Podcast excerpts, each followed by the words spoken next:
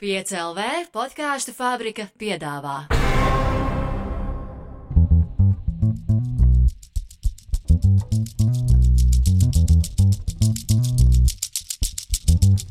Labdien! Vai kādreiz esat par kādu nodomājuši? Viņam gan ir paveicies.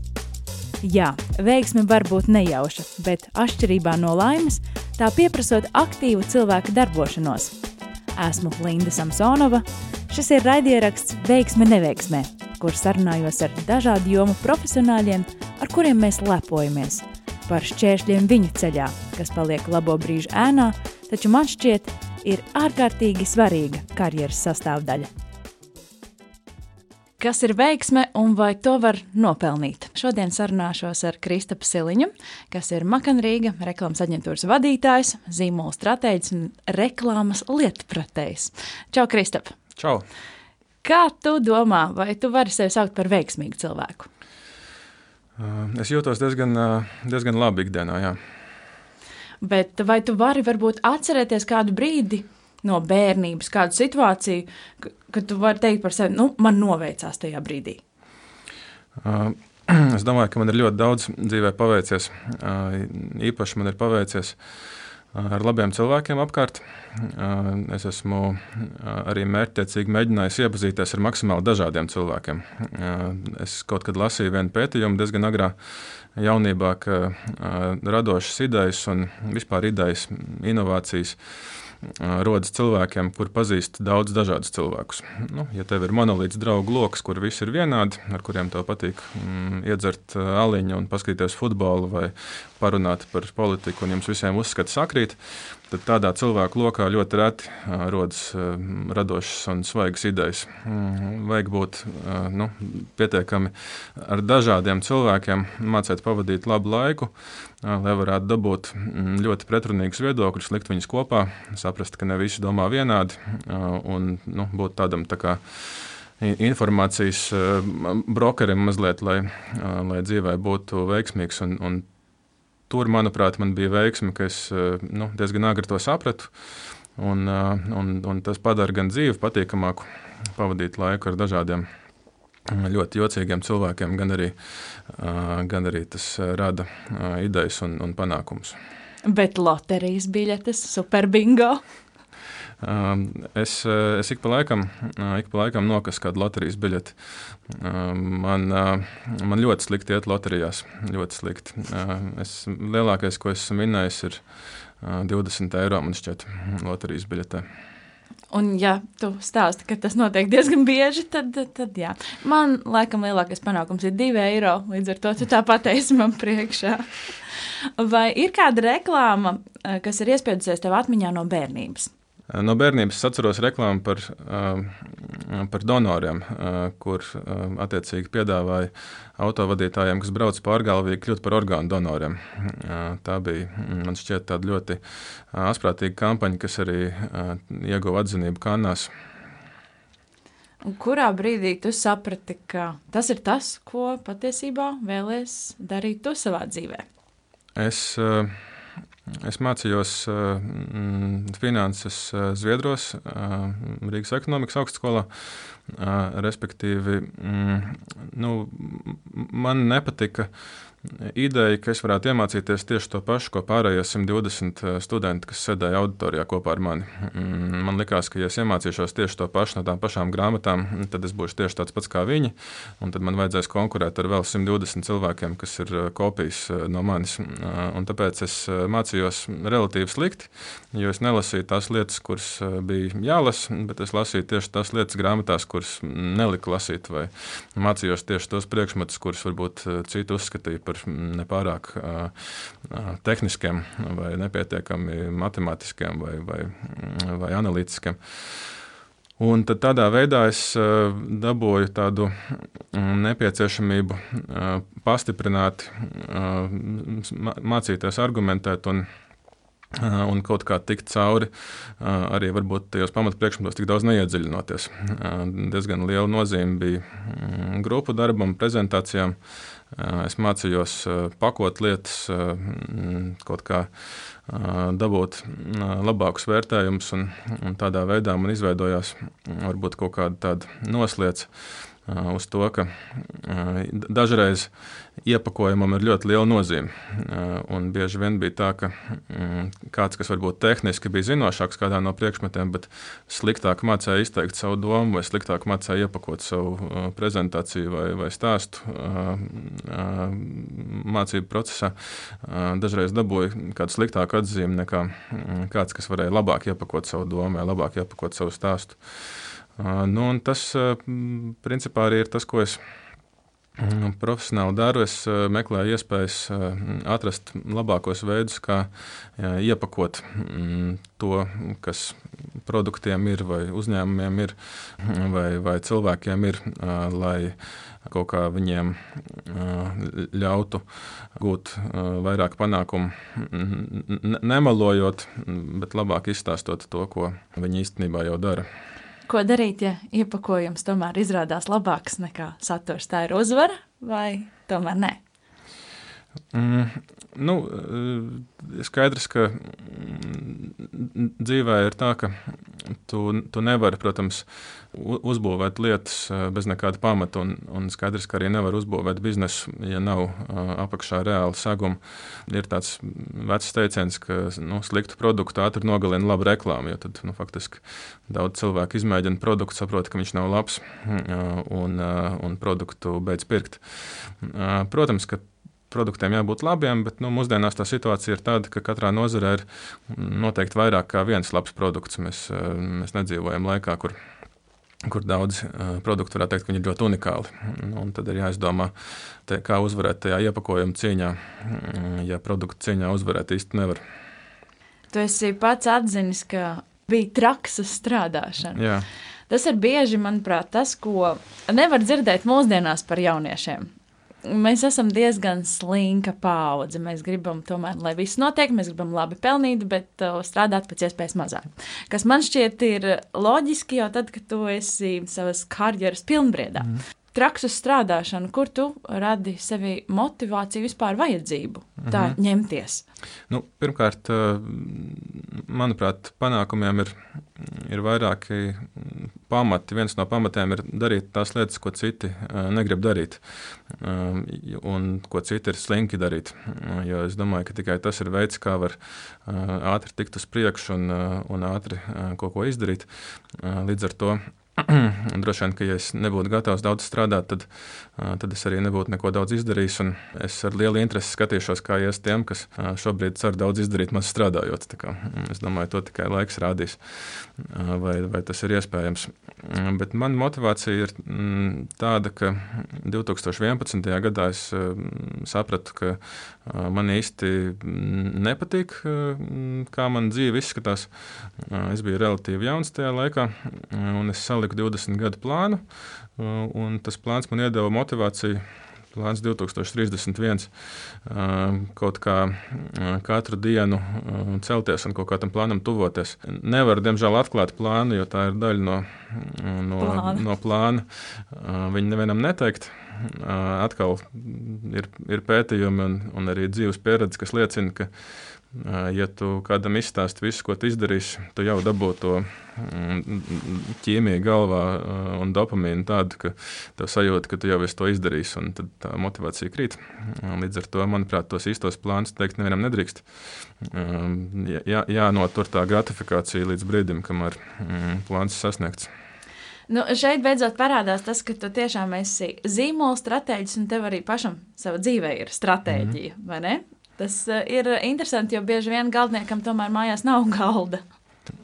Jā, uh, nu, tas arī nav kaut kādā ziņā tālu no patiesības, jo uh, nu, mums tas, ko mēs spējam izdarīt priekš klientiem, piemēram, kā zīmola stratēģija vai labā, mm, ir kaut kas, ko mums pašiem ir grūti izdarīt priekš sevis.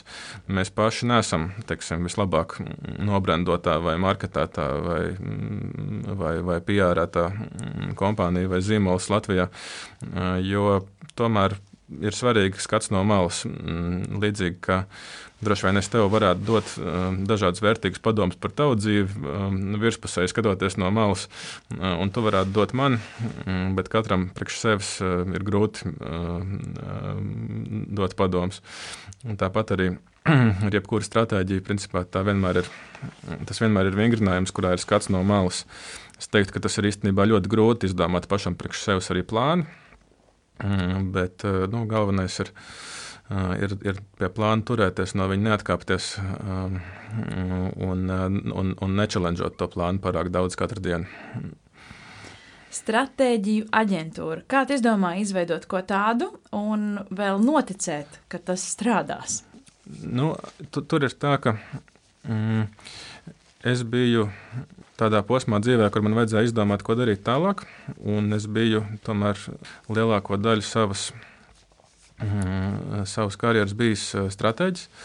Un, attiecīgi, es sapratu, ka vai nu es daru kaut ko pilnīgi citu, vai es tomēr paceļu to stratēģiju jaunā līmenī, lai es nebūtu pazaudējis tos gadus, kuros es esmu šo lietu darījis. Nu, tad es izdomāju, ka, ja es turpinu būt stratēģis, man stratēģija ir jātaisa labāk nekā es esmu redzējis, ka to taisa kāds cits. Es eh, rūpīgi izgāju cauri visām kļūdām, ko, manuprāt, pieļauj citi, un, eh, un izdomāju, ka ir jādara viss otrādi. Respektīvi, es balstīju savu pieeju uz tām lietām, kas man pašam uh, tracināja, kaitināja, likās bezjēdzīgas. Uh, tāda bez bullshit pieeja arī uh, ir pamats tam, kā strādā Vaitlabels. Un var redzēt, ka nu, klienti ļoti atviegloti sākumā. Protams, ka ļoti daudz bija skeptiski. Bet nu, tagad, septiņus nu, gadus vēlāk, skeptiķu ir maz. Tu minēji citu kļūdas, vai arī atminies savas? Uh, jā, man ir bijušas pārdomas par šo. Uh, es zināju arī, ka tu prasīsi par kļūdām. Šodien es par to domāju. Varbūt ir tā, ka ir divi veidi cilvēki. Uh, ir tādi, kas redz kļūdas, un ir tādi, kas vienkārši visur redz kaut kādus scenārijus. Um, es savā dzīvē tādas kļūdas īsti nevaru atrast, jo es uz katru situāciju skatos tā, ka ir kaut kāda rīcība un sekas, un ir kaut kāda vairāk scenārija, kas tālāk var notikt. Es mm, faktiski kaut ko darot, jau saprotu, ka notiks A, B, C vai D scenārijs. Līdz ar to tas ir tikai jautājums par nu, kaut kādu dažreiz risku, dažreiz um, talantu, dažreiz veiksmi, dažreiz spējām, kurš no tiem scenārijiem piepildīsies. Līdz ar to, manuprāt, cilvēks tas otrs cilvēku tips, kas atminās savas kļūdas, ir tāds cilvēku tips, kas vienmēr ieciklēs tikai uz vienu scenāriju, mm, uzzīmē savā galvā kaut kādu ideālo bildi, un pēc tam pārdzīvo, ka tā bilde nepiepildījās. Mm, tas nav noteikti stāsts par manu dzīvi. Es vienmēr skatos uz nu, vairākiem scenārijiem, kā notikumi var attīstīties. Neieciklējos uz, uh, uz kaut kādu vienu, uh, un esmu gatavs arī, ka, um, ka lietas prasa vairāk laika, vairāk iterāciju, vairāk piegājienu. Tā kā es tiešām tādas kļūdas uh, nu, nevaru tā nosaukt, jo, jo es uh, nu, vienmēr saprotu to, to spēli par scenārijiem un, un, un risku. Daudzi, kas mūs šobrīd klausās, noteikti iedomājas, nē, nu skaisti, vai ne? Kaut es būtu tik organizēts un uh, varētu saprast dzīvi tik labi un pavisam citādi. Bet es ticu, ka tomēr tev ir bijis brīdis, kad ir sevi nu, bāts, bet ir dimbā. Tas, ka tu atradīsi izēju, tas ir skaidrs. Mm -hmm. Bet tas, nu, ko tagad? Es, es šobrīd esmu uh, ne tikai stratēģis, bet arī vadītājs. Uh, un, uh, ar vadītājiem ir tā, ka vadītāji nebūtu vajadzīgi, ja viss notiktu pēc plāna. Respektīvi, jēga no tā, ka es esmu vadītājs, ir tikai tad, ja ir kaut kādas problēmas, ja lietas neiet pēc plāna, ja ir sarežģīti, ja ir grūti. Es teiktu, ka visgrūtāk bija tad, kad es pirmo reizi sāku kaut ko vadīt, kad es kļuvu par mākanu vadītāju 16. gadā. Es iepriekš nebiju vadījis neko lielāku par, par Stokholmas skolas studentu asociāciju. Tā, līdz ar to tā bija, protams, liela liela, liela tāda sākotnēja trauma, kā pārsvečot no tā, ka tu esi stratēģis, uz to, ka tu esi vadītājs. Un pirmais uh, pusgads un, un gads mm, bija tāds, kurā man likās, ka mm, nu, pastāv reāls risks, ka mums var neizdoties. Mm, tāpēc, ka nu, pirmā pusgada dati neko labu neliecināja. Expectācijas bija ļoti augstas, ka es līdz sasniegšu jaunus rekordus, visu izcīnīšu. Bet faktiski mums nu, 16. gada pirmais pusgads bija ar ļoti, ļoti lielu mīnusu. Un tad nu, atkal man bija divi scenāriji. Vai nu uzskatīt, ka es nu, šo nespēju darbu izdarīt, vai arī otrs ticēt, ka es līdzi, līdzi izdarīšu. Nu, tā. un tad es ticot sev, faktiski to otro pusgadu izvilku. Mēs tikām plusā un, un, un tikām jaunā līmenī. Nu, un, Katrs nākamais gads arī nav bijis viegls. Mēs esam tikko sākuši performēt, pirmo reizi dabūjuši eh, gada aģentūras titulu, eh, otro reizi dabūjuši gada aģentūras titulu, un tad sākās Covid. Mm, likās, ka Covid ir risks um, sagraut komandas kultūru, strādāšana no mājām var cilvēkus demotivēt. Um, klientu bāžas Covid laikā var nu, mums sabojāt biznesa rezultātus. Un tad mēs tikām ar to problēmu galā, kas bija jauna problēma, kas atkal radīja diskomfortu. Atkal mm, bija liels stress, mums bija vadības sazvani zumā katru dienu no 5 līdz mm, dažreiz 11. vakarā, kur mēs gājām cauri. Katrai niansē ir visa vadības komanda, ko mēs nākamajā dienā varam izdarīt, lai mēs kaut kā ar, to, ar tām mazajām iespējām, kas mums ir izcelt maksimumu. Tad mēs atkal dabūjām gada aģentūru, atkal izcīnījām biznesa rezultātus, un tad sākās šogad Krievijas iebrukums Ukrajinā. Un atkal pilnīgi jauna situācija. Un atkal tu, tev nav nu, rīcības plāna, nav, nav manuāļi, kā darboties. Un mēs atkal atkārtojām to pašu pieeju, cīnījāmies par katru dienu, nedomājām mēnesi uz priekšu vai nedēļu uz priekšu, bet atkal katru dienu pavadījām vairākas stundas vadības komandā, plānojot nākamo dienu. Nu, tā diena pieeja, viņa īstenībā vismaz mums un man krīzēs ir izrādījusies vislabākā. Jo, nu, ja ir krīze, tas nav stāsts par to, ka tev ir jāizcīna ceturkšņa plāns vai gada plāns. Tev ir jāizcīna nākamā diena. Un, un tā pieeja mums ir nu, palīdzējusi visās situācijās. Arī pirmajā gadījumā, kuras tikko bija sācis uh, vadīt, mm, tas uh, arī bija stāsts par katru dienu. Nu, faktiski es tajā pirmajā pusgadā un gadā gulēju tur labi, ja dažas stundas dienā. Gulēju arhīvā, birojā, uh, gāju no rīta birojā, dušā bieži vien un, un no rīta asistenti nopirka zārā jaunu krēslu un, un drēbes. Un uz barberšopiem es gāju ar logumu, man piecās minūtēs uh, uh, noskūt bārdu un, un, un matus, jo man ir jāiet atkal strādāt. Uh, un tā arī bija cīņa par katru dienu. Um, tas, ko es nu, varu novēlēt cilvēkiem, kuriem ir nu, tādi lieli izaicinājumi, um, vienkārši ir katru dienu jādomā, kā izcīnīt to rītdienu labāk. Un tam manuprāt, ļoti, ļoti aktuāli arī mūsdienu kontekstā par to, ka dažiem super veicas, viss iet no rokas, savukārt dažiem jau liels panākums, ka tu esi vienkārši izdzīvojis. Vēl mazliet par to, ka tu esi vadītājs, cik daudz tavu lēmumu ir balstīti uz cilvēcību un cik daudz profesionalitāti un kā to var apvienot. Es teiktu, ka, ka, ka visi, mm, visi lēmumi ir balstīti uz trim principiem. Es, es tam tiešām ticu un esmu par to daudz domājis. Nu, pirmais princips ir, ka ir jādomā plašāk nekā par, tikai par sevi.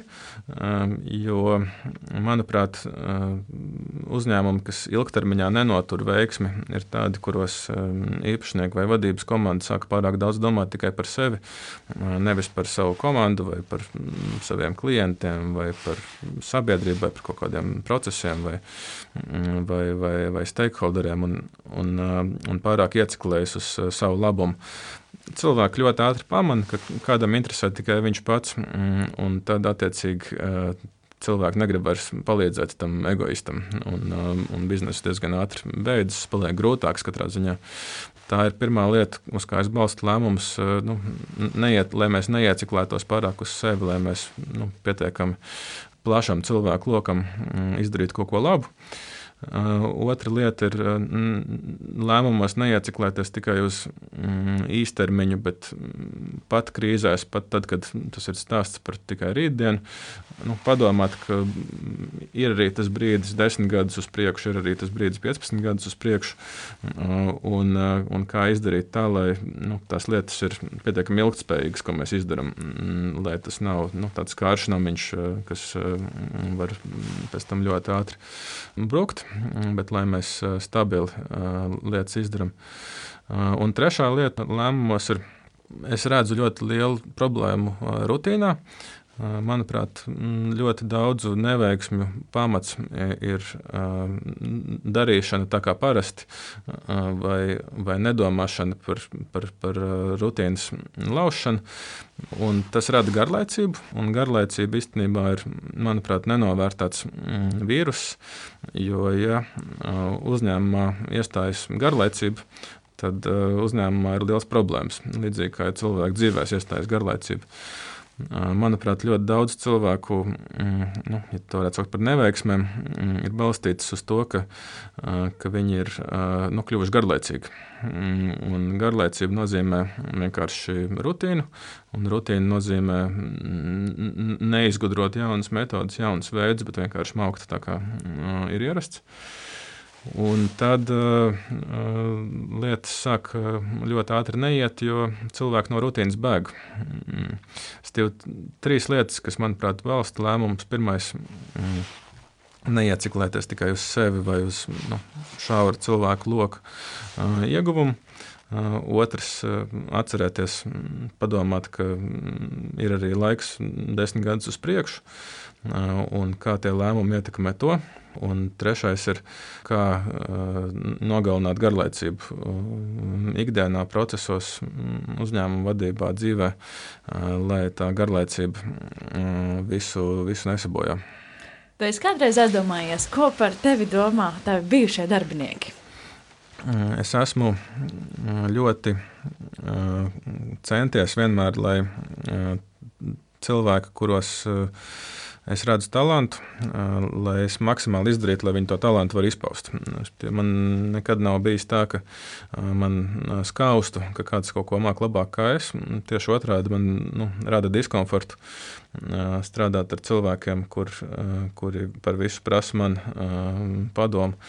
Līdz ar to es katram mēģinu atrast tās viņa spējas, kuras ir mm, unikālas, jocīgas. Mm, es mēģinu palīdzēt tam cilvēkam būvēt mm, kā viņa karjeru un talantu uz tā konkrētā cilvēka netipiskumu vai jocīgumu, lai viņš varētu labi dot pienesumu komandai. Līdz ar to man īstenībā ar ļoti daudziem mm, cilvēkiem, ar ko esmu kopā strādājis, ir izveidojušās, manuprāt, diezgan personīgas attiecības, jo skaidrs, ka es mēģinu nu, saprast, kas tas ir par cilvēku, kas ir viņam iekšā, tas mm, visizteiktākās, interesantākās īpašības, kā tas cilvēks var viņus pārvērst par kaut ko vērtīgu.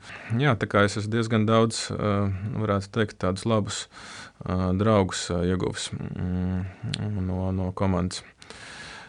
Par bijušajiem darbiniekiem arī ir tāds interesants jautājums, jo mums ir īstenībā ļoti stabila komanda. Mm, mums šajos gados, kopš 16. gada, mm, ir nu, ļoti stabils komandas kodols. Cilvēki drīzāk ir nākuši klāt.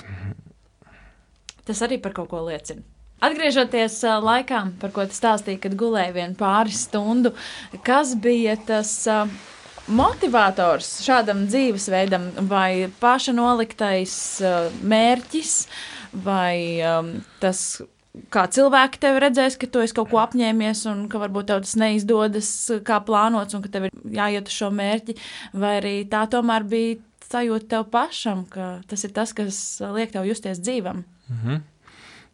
nu, dzīve vispār ir diezgan. Uh, mm, tāda, manuprāt, ne, nežēlīga tādā ziņā, ka nu, dienas beigās eh, ļoti daudzas eh, durvis vai, nu ir, vai nav atvērtas mm, atkarībā no tā, vai tu kaut ko vērtīgu dzīvē dari. Protams, pamats visam ir būt patīkamam cilvēkam, bet eh, nu, ar to, ka tu esi patīkams cilvēks, ne visu dzīvē tu vari izdarīt, ne visu arī tu vari nopirkt par naudu.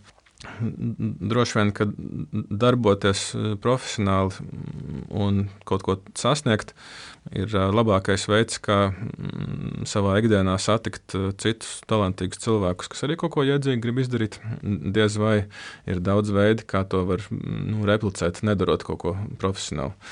Nākamais iepazīties ar cilvēkiem, kas ir interesanti un kaut ko interesantu dzīvē dara.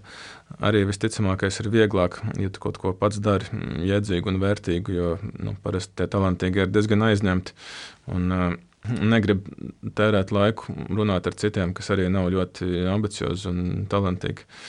Nu, un visbeidzot, arī, protams, mm, nu, lai darītu interesantas lietas dzīvē, ir vajadzīgs vismaz kaut kāds bāzes līmenis ar naudu. Nu, to arī droši vien ir diezgan grūti noturēt, ja neko dzīvē mm, interesanti nedara. Kāpēc darīt tik daudz? Mm, varbūt kā es esmu mēģinājis strādāt droši vien tāpēc, ka man ir bail, ka tomēr lietas visu laiku mainās. Uh, Pasaule mainās, pasaule iet uz priekšu, mm, kāds cits kaut kur strādā ļoti daudz. Tas nozīmē, ka, ja kāds cits kaut kur mm, strādā tās 20 stundas dienā, un es viņas nestrādāju, tas nozīmē, ka mm, nu, kāds cits eventuāli aizies priekšā. Tomēr dzīve ir sacensība, un tajā sacensībā tu nevari nevienā brīdī atlaist, atslābt, nevari nevienā brīdī palikt lepns. Nevar būt tāda sajūta, ka es jau esmu pietiekami daudz izdarījis, eh, man viss ir fini. Eh, nu, jo trīs gadus vēlāk mm, citi būs ielikuši to mm, ekstra enerģiju un piepūli, eh, un viņi droši vien nu, būs aizgājuši tev garām, un, un tu vairs nebūsi tik labs un, un nevarēsi vairs justies tik lepns par sevi finansiālais jautājums, jo bieži vien tas ir tas, kas ir daudziem bailīgs par to, lai vispār kaut ko uzsāktu. Kā nu, man taču nav tā sākuma kapitāla, mm. kurus to dabūšu un kā es vispār uh, satikšu un iepazīšu kādu investoru, kas noticētu manai mm. idejai. Kā tas izvērtās tavā dzīvē? Es esmu vienmēr aizņēmies naudu uh, savām idejām. Es esmu ņēmis uh, kredītus jau uh, augstskolas laikā, jau sākot ar to, vispār, lai mācītos augstskolā. Turpinot ar to, ka, mm, ja man bija lietas, kas man interesēja, mm, kurām man vajadzēja kaut kādu finansējumu, es arī mm, aizņēmos naudu. Es pat gāju tik tālu, ka studentu projektiem, kaut kādām mārketinga sacensībām, kurās bija nepieciešams veidot konceptus, kurus piedalījos. Es pat aizņēmos naudu un no sevis finansēju, lai tādā sacensībā varētu pieslēgt vēl kādu speciālistu, kas mācīja, piemēram, 3D lietas vai, vai, vai dažādas tehnikas, kuras, kuras bija nepieciešamas, vai, vai digitālās lietas un tam līdzīgi. Tā kā, mm, manuprāt, nu, sākumā jānotic pašam sev. Mm, manuprāt, naudu prasīt eh, nu, citiem teikt, investoriem, draugiem, paziņām var tikai tad, ja tu pats jau esi izsmēlis savas iespējas eh, aizņemties. Um, sākumā vajag um, ticēt pašam sev tik daudz, lai um, paņemtu visus iespējamos uh, kredītus un, un uzliktu sev to slogu. Tad, kad tu pats sev pierādi, ka tu kaut ko vari izdarīt, tikai tad var prasīt naudu citiem. Mm, ideālā gadījumā, mm, protams, ir nu, nauda citiem prasīt tikai tādā ļoti vēlā izaugsmas periodā. Jo skaidrs, ka jo ātrāk tu prasi naudu savām idejām, jo, jo lētākas tās idejas tajā brīdī ir, mm, jo lielāku daļu no, no nākotnes spēļņas tev jādod mm, investoram. Tā kā es teiktu, ka katram jācīnās pašam, mm, un kamēr visas kredītkartes un visas kredīta um, iespējas un, un patēriņa kredīti nav izsmelti, tikmēr droši vien vismaz es citiem naudu neprasītu. Vai ir bijusi kāda ideja, kas tomēr tev atstājusi mīnusā, un ko tu atzīt, ka šis nebija labi? Es profesionālā ziņā tādas neatceros. Droši vien tikai, um, tikai, tikai izklaižu kontekstā. Mm par izklaižu kontekstu. Nu, tad, kad mēs runājam par reklāmas aģentūrām un visu, kas tajā notiek, protams, ir kāds lielisks projekts, pēc tam ir balīti, un, protams, tev jābūt radošam, un tur ik pa laikam parādās arī narkotiku tēma. Vai tu vari ieskicēt, vai tas ir mīts, vai tā tomēr ir, cik daudz un cik traki? Nu, kaut kad es eh, vienā no pirmajiem gadiem reklāmā Es, es satiku tādu jau reklāmistu ar pieredzi no 90. gadiem, kas teica, ka nu, ar narkotikām ir viena tāda problēma, ka, ja tu daudz lieto narkotikas, tev ļoti daudz jāatpūšas. Un tad es sapratu, ka narkotikas laikam nebūs priekš manis, jo man nav laika ļoti daudz atpūsties. Un tad līdz ar to tas nav bijis stāsts par manu dzīvi. Manuprāt, ir svarīgi nodalīt divus ciklus. Nu, teksim, reklāma, kas sākās 90. gados, tas bija viens cikls, Latvijā, kurā cilvēki visu darīja pirmo reizi. Nu, tad, nosa, tad loģiski, ka katrs gāja savu ceļu. Bija aģentūras, kuras bija balstītas uz dzīves stilu un uz balīti, bija aģentūras, kuras bija balstītas uz klientu servisu, bija aģentūras, kuras bija balstītas uz radošām idejām, bija aģentūras, kas bija balstītas uz nu, vēl kaut kādiem citiem apsvērumiem. Un beigās mēs redzam, ka tās aģentūras, kas balstītas uz, uh, uz balītēm, un, un, uh, un, un narkotikām un dzīves stilu, nu, viņas nav šobrīd aģentūra topos ne pie lielākajiem apgrozījumiem, ne pie apbalvotākajiem. Tas nozīmē, ka tam nu, kungam nu, jau gados, kurš man toreiz teica, ka, ja tu lieto daudz narkotikas, tad ir daudz jāatpūšas. Mm, visticamāk, bija taisnība. To grūti savienot ar, ar, ar ilgtermiņa panākumiem. Jā, interesanti. Un paldies, ka uh, radīji šajā skaidrību. Es domāju, ka tas ir tas, ko daudz grib pajautāt, bet nevienmēr uh, viss uzdrošinās, mm -hmm. jo tas tāds, nu, nē, ko tad par šo runāsim. Tu esi izteicies, ir žēl, ka jaunieši domā, ka jādodas uz ārzemēm, lai sevi īstenotu. Vai tu uzskati tāpat, ka šeit ir pietiekami daudz iespēju Latvijā? Tas sakrīt ar manu domu, ka, ja es būšu labākā savā jomā, man ies labi arī Latvijā. Skaidrs, ka neviens nav atcēlis iespēju strādāt ar projektiem, kas ir starptautiski, arī dzīvojot Rīgā. Es domāju, ka mm, no mums pašiem ir atkarīgs, cik lielu kritisko masu ar cilvēkiem mēs Rīgā savāksim, kas būs pietiekami spilgti, lai mm, Rīgu pamanītu mm, kaut kur ārpus Latvijas. Tā kā es domāju, ka nu, pēc desmit gadiem tā situācijā jābūt radikāli citai nekā viņa ir šobrīd. Es domāju, ka ir izaugusi daudz starptautiskāka paudze, kas daudz vairāk ir redzējusi pasauli kā paudze iepriekš, ir izaugusi paudze, kas dzīvo internetā, līdz ar to ir daudz vieglāk mm, saprasties ar cilvēkiem citās rietumu valstīs. Un ne tikai Es domāju, ka mēs pavisam pēc desmit gadiem noteikti varam izcīnīt, ka mm, tāds jautājums vairs nav dienas kārtībā. Mm, respektīvi, ka Rīga vienkārši ir viena ļoti mm, interesanta, enerģiska, mm, mūsdienīga Eiropas pilsēta, kur, kuru ir, ar kuras cilvēkiem ir tikpat normāli sadarboties kā ar mm, cilvēkiem Kopenhāgenā, vai Amsterdamā, vai mm, Parīzē, vai, mm, vai Londonā, vai citur. Un tāds jautājums atkrīt, bet nu, mums ir visiem, kas šobrīd spējīgie, talantīgie un ambiciozie droši vien jānes kaut kāds ieguldījums tuvākos desmit gadus, lai, lai tā būtu, jo paši jau mēs tikai to Rīgu droši vien uztaisīsim labu. Šobrīd daudz runājam par uh, izdegšanu. Sarunā ar tevi es arī pārliecinos, ka tu esi ļoti mierīgs, pārliecināts, un uh, arī es atzinu, ka tev ar prātu viss ir kārtībā. Tev ir izdevies to uh, sakārtot laika gaitā, un uh, tu zini, kas ir jādara tālāk. Bet radošā izdegšana. Tā mhm. ir, manuprāt, mazliet cita joma, ka tev vienkārši nav ideja. Un es domāju, ka tavā jomā, kad ir jāģenerē idejas, mhm. tas varētu būt šķiet, ka nu, tas ir bijis, tas ir bijis. Nu, vai tev ir bijusi, vai tavai komandai tāda radošā izdegšana, un ko tad darīt? Mm -hmm.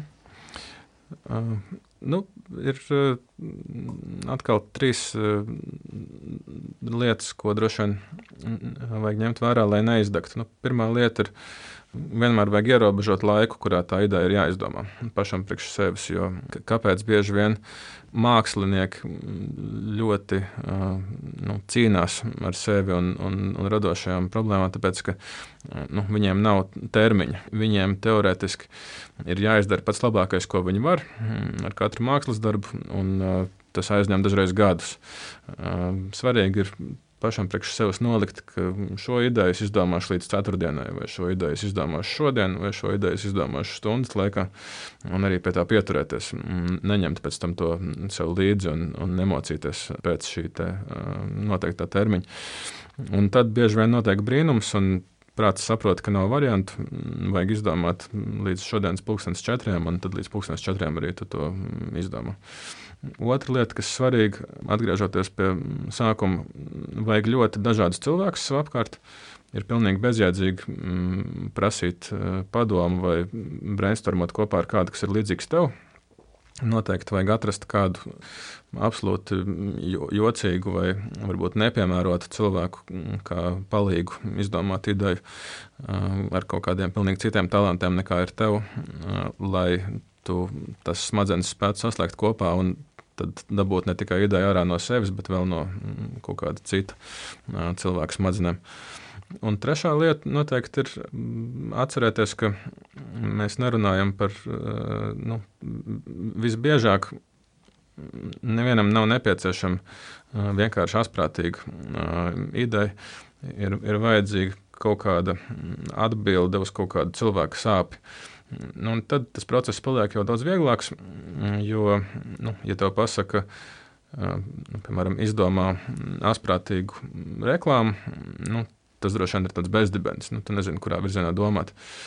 Ja tu pats sev to pārformulē, ka man ir jāizdomā reklāma, kas nu, kaut kā atbild uz kādu cilvēku sāpi, vai pretrunu, vai problēmu, vai kaut ko, kas cilvēkam ir šobrīd aktuāli dzīvē, tad tu faktiski jau atrod diezgan ātri kaut kādus 5, 7 vai 10 atspērienu punktus, kas ir tās cilvēku problēmas, ap kurām tās idejas domāt. Uh, Tu izvēlējies interesantāko no problēmām, mm, skaties, kur tas tev aizved, kā tu vari interesantā veidā to, to, to atrisināt, piemēram, reklāmā.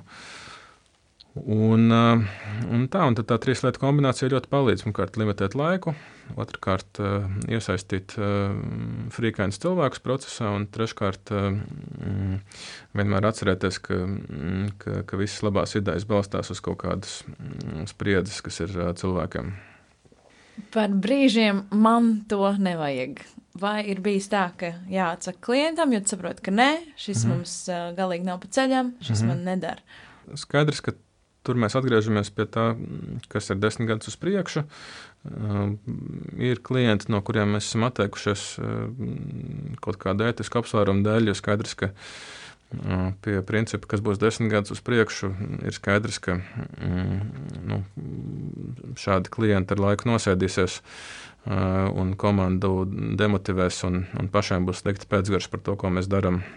Pat ja mēs tur tuvākā mēneša vai divu laikā nopelnīsim daudz naudas. Bet nu, to desmit gadu testu droši vien nu, tādi neētiskie klienti neiztur. Tāpēc mēs nu, diezgan rūpīgi filtrējam, lai mēs nestrādātu ar dažādu veidu krāpniekiem, dropshipperiem, kuri pārdod lietas internetā, pēc tam viņas nepiegādā un, un tam līdzīgiem uzņēmumiem, lai mums tā nebūtu iekodēta nu, tāda mel melošana tajā, ko mēs darām. Nu, protams, arī virkni citu. Mēs, eh, protams, nestrādājam ar, ar uzņēmumiem, kas, eh, kas atbalsta karu Ukrajinā un, un, eh, un kas ir tā, tā teikt, dažādi citi ne, neētiski biznesi. Vai ir bijis kaut kas ļoti, ļoti, ļoti vilinošs, bet tomēr ir jāpieņem lēmums? Nē. Mm, jā, jā viņi nu, redz ar tām lietām ir tā, ka tās ir tās lietas, kuras reti kurš grib darīt, parasti ir vislabāk apmaksātās. Līdz ar to, protams, ka tie mm, neētiskie piedāvājumi ir bieži vien visvilinošākie, bet nu, atkal ir jāpaskatās uz to desmit gadu testu un jāpadomā, vai, mm, vai pēc desmit gadiem arī šis liksies labi ideja. Vai tu atceries pēdējā laikā brīdi, kad tiešām esi jūties laimīgs un ko tu darīji? Kas bija mm -hmm. tas? Ja mēs runājam par profesionālo dzīvi tad, uh, un, un panākumiem, tad es uh, tiešām jūtos uh, ļoti laimīgs mūsu Ziemassvētku balītē, kur es varēju paskatīties acīs visiem cilvēkiem, ar ko mēs kopā esam cīnījušies jau daudzus gadus, un pateikt viņiem visiem paldies un ar viņiem parunāt un, un attiecīgi sagatavoties šim gadam. Jo nu, lielākā daļa no ikdienas, tomēr vismaz manā dzīvē, ir darbs, nu, tādā stundu ziņā. Un skaidrs, ka tā sajūta, ka tev ir uh, izcila komanda, viņa dod to nu, laimes sajūtu arī kopumā dzīvē, jo tad tev patīk atnākt uz darbu, tev patīk satikt visus tos cilvēkus, tev patīk ar viņiem kopā strādāt. patīk kopā risināt problēmas. Un tad nu, tie simboliskie momenti, kad viss sanāk kopā. Un viens otram paskatās acīs un pasakā, paldies. Viņi ir nu, tādi droši vien profesionāli, diezgan labi laimes momenti. Tas, Droši vien otrs ir, ko es atceros arī iepriekšējā gadā, ir, kad mēs piekto reizi dabūjām gada aģentūras titulu, kā Makans. Nu, tas ir tāds sasniegums, ko nevienam citam līdz šim nebija izdevies sasniegt. Mēs esam arī tiešām piecus gadus noturējuši. Un, un tas skaistais ir, ka ir, protams, komandas kodols, kas ir visus tos piecus gadus bijis, bet ir vēl izcili jauni, talantīgi cilvēki pievienojušies, kas ir jauns komandas kodols. Un, Un tajos brīžos nu, ir tāda tiešām, domāju, ne tikai man, bet arī daudziem citiem laimes sajūta, ka mums ir visiem ļoti paveicies, ka esam viens otru satikuši. Un Un ārpus profesionālā? Uh, ārpus profesionālā mm, nu, atvaļinājums man vēl nav bijis. Uh, respektīvi, nav, nav vēl bijis laiks uh, tā teikt, atslēgties no, no iepriekšējā gada. Es vēl joprojām uh, domās, esmu, esmu darbā un esmu iepriekšējā gadā. Kas ir nesenākais, ko tu esi iegādājies reklāmas iespējā un atzīsti to? vispār ir tā, ka es ļoti maz pērku lietas. Mm, es uh, gandrīz nekad neesmu neko nopircis uh, internetā, ja neskaita, lai notestētu klientu produktus, un, un, un ļoti maz uh, vispār eju uz veikaliem. Uh, arī, ja neskaita, lai notestētu uh, vai pārbaudītu uh, kaut kādas lietas, kas saistītas ar, ar manu darbu. Tā kā man īstenībā mm, kopumā pieder ļoti maz lietu. Nē, esmu drošs, vai es pēdējā laikā vispār kaut ko tādu vērā ņemam būtu nopircis. Cik interesanti. Šis fakts patiesībā man pārsteidz. Es pat nevaru iedomāties, ka tavu dzīvesveidu arī ir minimālisms. Man patīk dažādi veidi pieredzes. Mm, man liekas, ka lietas, ko var piedzīvot kopā ar citiem cilvēkiem, ir daudz vērtīgākas nekā lietas, ko var nolikt mājās plauktā vai, vai uzvilkt mugurā un, un, un tam līdzīgi. Šobrīd ļoti aktuāla ir reklāma sociālajos tīklos, influenceri un viss vispārējais. Kā tu uz to skaties, cik profesionālā līmenī Latvijā jaunieši pārsvarā ar to mhm. darbojas? Mhm. Nu, manuprāt, ir izcili piemēri. Es esmu dzirdējis par un redzējis atsevišķus talantus, kas, manuprāt, ir divi jaunieši, kas ļoti labi māca taisīt TikTok saturu priekš zīmoliem. Manuprāt, ir krietni vairāk jauniešu, kas izcili māca taisīt Instagram saturu. Manuprāt, ir arī uzņēmumi, kas jau ir nu, iestrādājušies. Bet kopumā mm, ir joprojām nepietiekami daudz naudas tiek novirzīts, manuprāt, sociālo mediju saturam. Jo, ja mēs skatāmies uz nu, tādām vidējām summām, ko zīmoli investē sociālo mediju kontentā, faktiski tai summai vajadzētu būt manuprāt, vismaz četras lielākai, lai tas konteksts izdotos tiešām labs. Šeit droši vien var diskutēt, vai Latvija ir pietiekami liela, lai zīmols, kas fokusēs tikai uz Latvijas tirgu, investētu, pareizinātu savu investīciju ar četri. Mm, es domāju, ka to mēs pārbaudīsim praksē, tad, kad mm, uzņēmumi līdz tam nobriedīs un droši vien sāks tādus eksperimentus vairāk darīt. Mm, iespējams, ka tas arī atmaksāsies. Bet kopumā ņemot, es teiktu, ka sociālo mediju komunikācija ir vismaz četreiz par maz uh, finansēta no zīmola puses, lai tas saturs tiešām būtu salīdzināms kaut mazliet ar to, ko mēs redzam, ko dara starptautiski vadošie zīmoli. Tātad viņi ir pelnījuši ka tu, tu vienkārši nofočējies ar to šampūnu, turot rokās, vai ne? Diemžēl par to arī viņi ir samaksājuši, ne par mm. ko vairāk. Kas ir mazliet žēl, jo neviens jau nesaprot, ka tajā arī, lai kaut kas vispār būtu kvalitīvi, ir jāiegulda laiks. Tas nav viss tik uh, skaisti un viegli, kā izskatās no malas. Un, manuprāt, tu esi cilvēks, kas to vislabāk apzinās. Mm.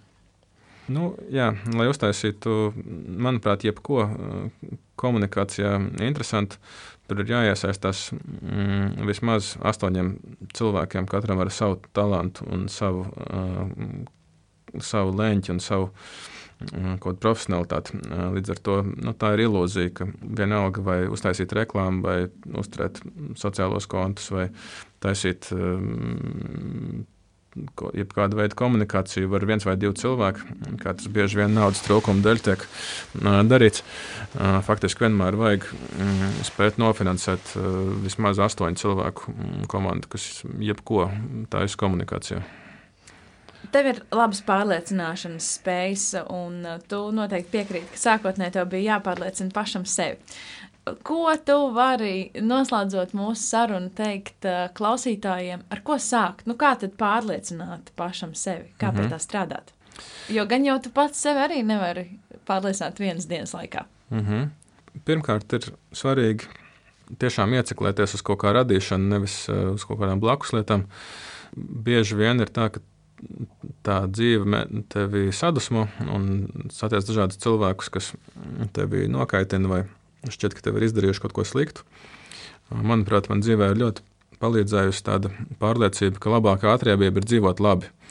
Un, uh, tas man uh, šķiet, uh, ir man ļoti daudz devis, jo skaidrs, ka uh, ikdienā ir ļoti daudz dažādu frustrāciju, negāciju, dabiski, ka ir konflikti, jo nu, mēs dzīvojam kaut kādā konkurences uh, pasaulē, tomēr, uh, kur katrs velk lietas uz savu pusi.